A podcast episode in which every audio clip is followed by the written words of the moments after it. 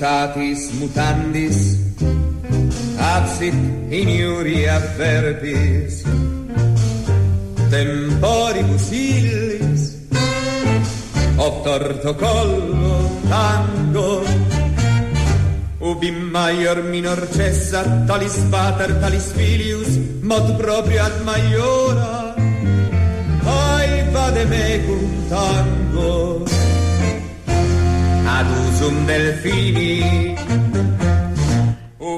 Querida Maite Muñoz, bienvenida. Hola. Hoy nos vamos a Roma. Hoy vamos a Roma. Me he permitido fusilar un poco tu, tu guion, el guion bonitísimo que me, que me has mandado. Claro, porque... Ciudad sucia me ha impresionado. Claro, porque es verdad. Que seguramente Roma es sucia, pero es Roma.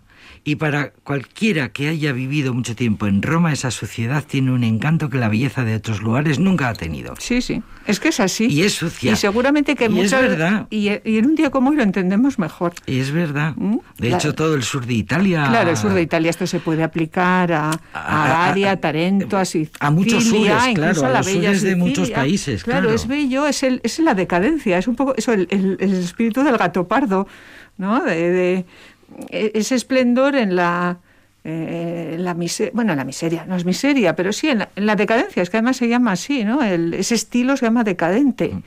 Y, en Italia, aparte de por cuestiones presupuestarias, yo creo que eso hacen gala casi de ese, de ese estilo que, les distingue. Pero que es algo que ya desde la antigüedad, que eso lo tratamos sobre la visión, de qué decían, qué opinaban los, los, autores, pues sobre todo Juvenal, pero vamos, sobre todo nos centramos en los, empezábamos en los clásicos, que pensaban los romanos de su ciudad. Y además también decían lo mismo, claro, que era sucia era una gran ciudad, lo comentamos, entonces tanto Horacio como sobre todo Juvenal se quejaban de la suciedad, del mal olor, lo recordáis, ¿no? Además lo del agua va. Y eso está siempre, además, cuando va pasando la historia y, llega la decadencia, claro, la suciedad está, eso, está asociada a esa decadencia, que ahora estábamos hablando más bien de la bueno, estética, económica, ¿no? El sur frente al norte más, más pintado, ¿no? El abandono, Pero ellos también, claro, cuando va pasando la historia, como digo, claro, ya se va, se va asociando ese paisaje que ya empieza a ser de ruinas a la decadencia propia histórica y moral. Y eso también sucede no solo en Roma, pero sobre todo en, Roma, porque además ha sido el centro, ¿no? El, núcleo de vacaciones, por decirlo así, o de, o de viaje en Europa durante estos últimos siglos, pues se advierte mucho, ¿no? El viaje a Roma como viaje espiritual. Como la Meca. Como una, eso es, una, es, verdad. Es, una Meca, luego como Jerusalén, eh, ¿no? creo que son los ingleses que tienen, claro, esa frase de ir a Roma y morir. Vez una vez, eso es, hay que ir una vez en la vida y morir. Ya hemos hablado en otras ocasiones del gran tour, de, la, del gran viaje que hacían los estudiantes ricos que iban con su tutor, que normalmente iba con una barba para, para distinguirse del, del señorito y, ese gran tour se hizo durante siglos, prácticamente. O sea que se ponían claro, barba y estaban años. Se ponían barba para. para, bueno, también un poco la barba siempre ha sido vamos, símbolo representaba un poco al pensamiento, a la filosofía, ah, al profesorado, pero sí que es verdad. El hábito que hacía el monje, Por lo menos en, en, la cultura anglosajona, sí, sí, al, la intelectualidad al a ese profesor que vivía de estar acompañando durante años, porque era un viaje que podía durar dos años, o e, ese gran tour que solía empezar bueno, solía empezar en París, pues salían de, de, Inglaterra, pues iban primero a París, estaban un poco en París, luego ya atravesaban los Alpes y, llegaban a, Italia. No iban directamente a Roma por lo general, pero bueno, claro, pues pensemos que tenían muchísimo tiempo. Ahora hacemos los viajes, eso es una diferencia, en un fin de semana. En un fin de semana. ¿Eh? Entonces terminaban, iban a Roma, por supuesto con sus excursiones, se empieza a popularizar el turismo un poco, ¿no? Con Pompeya, yo creo que hemos hablado de, ¿no? Claro, Pompeya, que en su tiempo era ciudad de vacaciones y, y, cuando es descubierta empieza a ser uno de esos lugares de excursión, como sigue siendo ahora, ¿no? De excursión para quienes viajan a, a Roma o a Nápoles. y ruinas. Entonces, claro, ¿eh? pues los poetas románticos de vez en cuando pues utilizan el fin de semana para hacer para hacerse su, su recorrido por, por la bahía de Nápoles, en fin, y luego solían pasar a Grecia, pues también hay, otro día hablamos de, de los viajeros que van a, los que llegan a, a Grecia, claro, ahí sería Atenas, el centro, pero no exclusivamente Atenas, por lo, que, por lo que hemos comentado, y ya los más pudientes seguramente terminaban en Constantinopla. ¿eh? Casi siempre son hombres. En el siglo XIX, que es donde más o menos estos textos que, que hemos traído para, para esta sesión se, se, datan, en el siglo XIX empieza a haber mujeres. ¿Eh? porque además empieza a haber más, más, más, viajeras. Ya en el 18 tenemos mujeres viajeras, en el 19 más. Mira, de mujeres, lo, estaba pensando cuando preparaba el guion me falta alguna mujer aquí en el, en el listado. Pero bueno, ya, ya, las buscaremos. Sí, y sobre todo se ve muy bien, claro, se ve bien esto en las novelas. ¿Eh? porque en, novelas, en relatos, ¿no? De mujeres que van a, Roma y también tienen su, su experiencia con, con Roma. Habíamos quedado en algo que no estamos haciendo. no lo estamos, no hemos ¿Cómo somos, eh? ¿Lo hacemos? Venga, sí. Vamos a escuchar a Manel, nuestro cuarteto catalán barcelonés preferido, porque tiene una canción que se llama exactamente así, Roma.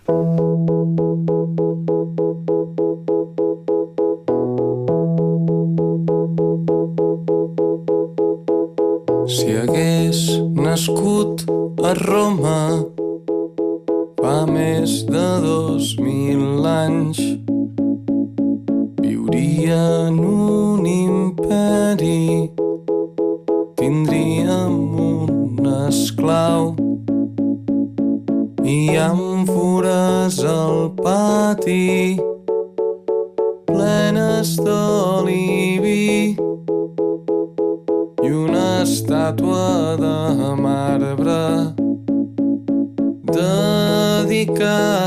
mi. Si hagués nascut a Roma fa més de dos mil anys, no faríeu la xampú el teu cabell daurat i oferiríem bous als déus, brindaríem amb soldats i ens despertaria un carro pujant per l'empedrat.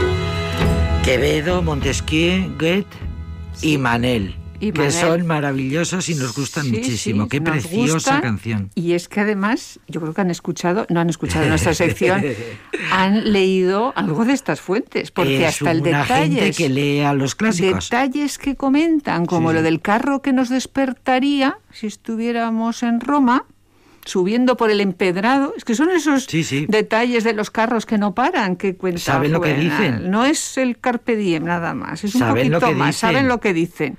Eh, otros detalles que hemos comentado, ¿no? Eh, pero eh, para lo que nos afecta a nosotros... Si hubiera nacido en Roma hace más de dos mil años, viviríamos en un imperio, tendríamos un esclavo y ánforas en el patio llenas de aceite y vino y una estatua de mármol dedicada a mí y los turistas eh, se hacen fotos donde tú y yo desayunamos. Son las cosas buenas de pasar a la eternidad. Habla de los guías, el guía que enseña y un guía les enseña el mosaico del comedor, se fotografían y pasean por nuestra habitación. Dos romanos de hace dos mil años. Sí eh, que, bueno, que, pues eso, que, revive, ¿no? Que un, sí, sí. Iba a decir que es un tópico. Si hubiera nacido en Roma comentamos. hace más de dos mil años, no olería champú tu cabello dorado.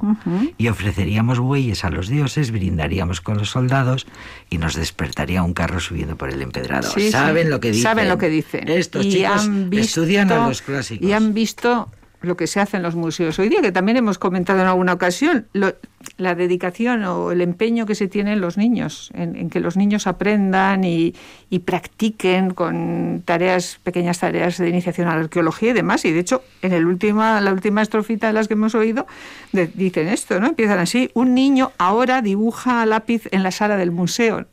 Eso son pequeñas píldoras que unos nos vamos a sentir identificados con una y otros con otras, pero que nos recuerdan esas, he traído los libros además para que veas el, grosor de, de, estas impresiones que traían. Aquí evidentemente resumimos muchísimo, pero el volumen de Stendhal es, es grueso. Stendhal, por ejemplo, largo, claro, escribió largo sobre, sobre, Roma. ¿eh? Estos son sus paseos de Roma, que son, pues en la edición que tengo yo, de letra muy, muy pequeñita. Esa viene a equivaler 800 páginas. Son, en sí, pues aquí ¿eh? son prácticamente 600. Por eso te digo. 600 ¿eh? páginas. Son tantos los lugares que cita que, que la edición que yo tengo viene luego pues todo tipo de índices bastante bastante largos y notas porque son además hay veces que mencionan lugares que no existen y demás pero sí que es cierto que en el, tiempo de las guías ahora que,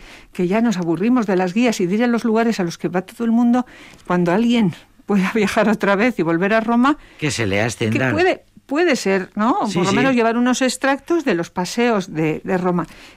Tenemos igual la idea de que Stendhal con lo que estoy diciendo que todo lo va a todo va a hablar bien de y no, ¿eh? no es así. En parte por eso que ya hemos adelantado con el texto de Ruskin que has, que has leído antes, ¿no? Esa sensación de suciedad, de choque con la realidad, es prácticamente omnipresente en todos estos viajeros.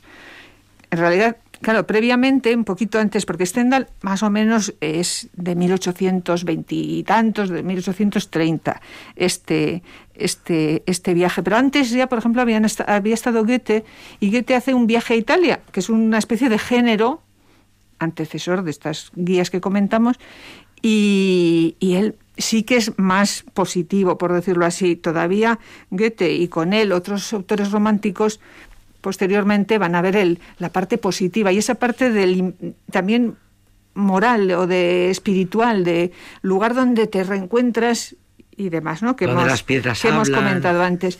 Pero en realidad todos parten de la idea de que ya, que ya vimos, eh, oímos, escuchamos el año pasado de Roma como un cadáver. ¿eh? Casi todos parten de esa idea. Roma es un, es un cadáver. Hay un soneto famosísimo de, Quevedo, que un día, hace unos pocos días lo oían algún, lo, lo, evocaban en algún programa hablando precisamente del destino, y decían, y ponían este ejemplo, ¿no? Cuando empieza su soneto así, buscas en Roma a Roma, peregrino, y en Roma misma a Roma no la hallas. Cadáver son las que ostentó murallas y tumba de sí propio el Aventino. Pero sin embargo, ya digo, es verdad que está esa esa visión, pero también hay una reivindicación en ocasiones, y en el arte se ve mucho, y en la literatura, del papel de los monumentos, reconociendo que es inabarcable, que también es otra de las sensaciones de cuando se llega a Roma, por donde empiezo. sí, sí, ¿eh? inabarcable. Pero es inabarcable. ¿eh? Porque, y de hecho Montesquieu, que también creo que he traído ¿eh? el, uno de sus, de sus trabajos, un poco más, reducido, para que nos hagamos la idea. Pero bueno, no dejan de ser 300 páginas de nuestras ediciones modernas. También termina en Constantinopla, por ejemplo, en, en este libro que he traído, ¿no? De, que se titula Consideraciones sobre los romanos. Y ahí dice, en Roma, ahí parece que las piedras hablen y, no se, y que no se acaba nunca de ver una ciudad eterna, con lo cual enlazaríamos con lo que comentábamos el año pasado de Roma ciudad eterna y, y todo esto. Pero bueno, es verdad que ya empiezan entre los viajeros, aparte de las mujeres que dejamos pendientes, hay también, hay también científicos y evidentemente estos son los que van a comparar sobre todo, ya no con un cadáver, como con una momia. ¿Eh? Por ejemplo, Gaspar Monge, un, científico que llega y dice, no, es que eh, solo, eh, no es sino una, momia cuyo espíritu vital se apagó hace tiempo, es decir, ya no tiene espíritu, no tiene, no tiene, no tiene vida. Que es un poco como que se encuentran con un, chocan un poco con la realidad. Claro, es el choque, claro, es el choque de lo que has estudiado, una idea, efectivamente. Y cuando llegan se encuentran con la piedra muerta. Que eso hemos comentado en otras ocasiones. Momificada, ¿no? Claro, ciudad momificada. Eso es, ¿no? Mm, que a la vez es una especie de símbolo de que se puede resurgir, que sigue siendo, que debajo de esas de esas ruinas, ¿no? La, la, la civilización, no está escondida la civilización, que bueno, en fin, hay, hay bastantes. Seguramente, bueno, cada viajero, ¿no? Tenemos que imaginar que, tiene su, su, experiencia, pero bueno, bastantes, casi la mayoría van a ir en esta, en esta dirección. Como comentaba, ya lo, seguramente lo vamos a dejar para, para ah, otra sesión. También es curioso cómo en las novelas, eh, sobre todo en las novelas de norteamericanos, por lo que yo intuyo, ¿eh? aparece mucho el, ese motivo que hemos comentado los viajeros. Y en este tipo de novelas, cuentos, siempre hay personajes femeninos. En parte porque son como más inocentes y, son las que se encuentran, les explican, el mansplaining que también hemos comentado otras veces, ¿no? hay hombres la necesidad que, tienen los hombres explican de explicárselo todas las mujeres sí por si acaso las mujeres por si acaso y ellas solitas esto no en Roma es esto en Roma es es omnipresente. Eh, se da por hecho que cuando una mujer llega a Roma hay que, hay, que explicarle. Stendhal, ya que he comentado el libro grueso ¿no? de paseos por Roma, habla de, la Piazza del Popolo, que es ahora también, según de donde entres en Roma, es, eh, es casi lo primero que se ve, ¿no? De ahí salimos al corso rápidamente. Y dice, ¡ay, la famosa Porta del Popolo! Es la más fea que conozco y en todas las calles reina el olor a coles podridas. y también dice todo es decadencia y algo muy habitual en el siglo XIX, todo es recuerdo, todo está muerto, como hemos comentado hoy, la vida activa se halla en Londres y en París. Y en ambas eh, ciudades capitales eh, también huele a coles Evidentemente, Si vas evidentemente. al y si vas en verano ya ni, te cuento, ¿no? Pero bueno, son... Claro que Roma, fíjate, en verano, que es cuando... A ver, estamos hablando de, de viajeros, no de turistas, porque el turismo todavía no se ha inventado. Tenemos que pensar que están todavía... Eso sé, que Los viajeros eh, realmente hacen viajes gente Distinta, gente distinta, iba a decir pobres, o gente de menos... No, no esos que llevaban el, señor para tres años, ¿no? Que él es el tutor a gastos, bueno, a gastos pagados, ya se lo ganaba, ¿no? Para tres años. Empieza a haber otro tipo, otro perfil de, de viajero, pero es verdad que siguen siendo unos viajes eh, solo para, para, para muy pocos. Va a ser el Coliseo el lugar igual que ahora también es el lugar donde más fotografías, donde más turistas y donde más concentración hay, el Coliseo es donde, donde más, donde más se, se van a, se va a plasmar esta, esta dualidad, ¿no? La, este, este contraste entre antiguo, moderno, ruina, catolicismo también, que es otro aspecto que, que es muy interesante y que, y que podríamos comentar. Sí, porque tenemos un montón de textos porque son muchos textos que has traído. Y vamos a incluir a las mujeres. Y me parecen preciosos los textos. Y además, mira, está, fíjate, a falta de guías mejores. Sí. Estamos haciendo una guía maravillosa para viajar. Y si no leemos, o por lo menos extractos. Yo reconozco las 600 páginas de Stendhal. Sí. Querida Maite, gracias. Gracias.